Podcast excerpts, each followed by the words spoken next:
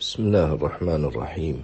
الواجب الذي أوجبه الله تبارك وتعالى على المسلم والمسلمة وعلينا جميعا في مقابل الحق اللي بعث فيه النبي صلى الله عليه وسلم هو الاستسلام الكامل. يا أيها الذين آمنوا ادخلوا في السلم كافة. لا أن ننتقي من هذا الحق بعضه في بعض المجالات في العبادات أو في الإيمان بالله أو في شيء فقط.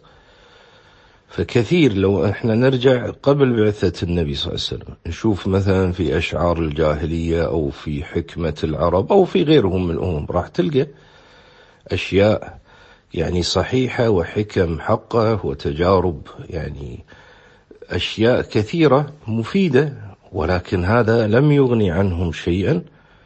سواء مثل ما قال النبي صلى الله عليه وسلم في ابن جدعان وكان رجلا كريما يقري الضيف ويطعم الطعام قال إنه قالت عائشة رضي الله عنها هل ينفعه ذلك؟ تسأل النبي صلى الله عليه وسلم قال لا إنه لم يقل يوما رب اغفر لي.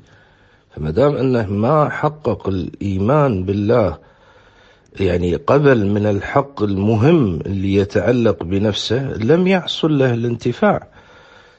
فهذه النقطة المهمة الحق ما في مساومة في علم واستسلام. هذا شرط الحق حتى ينتفع به الإنسان.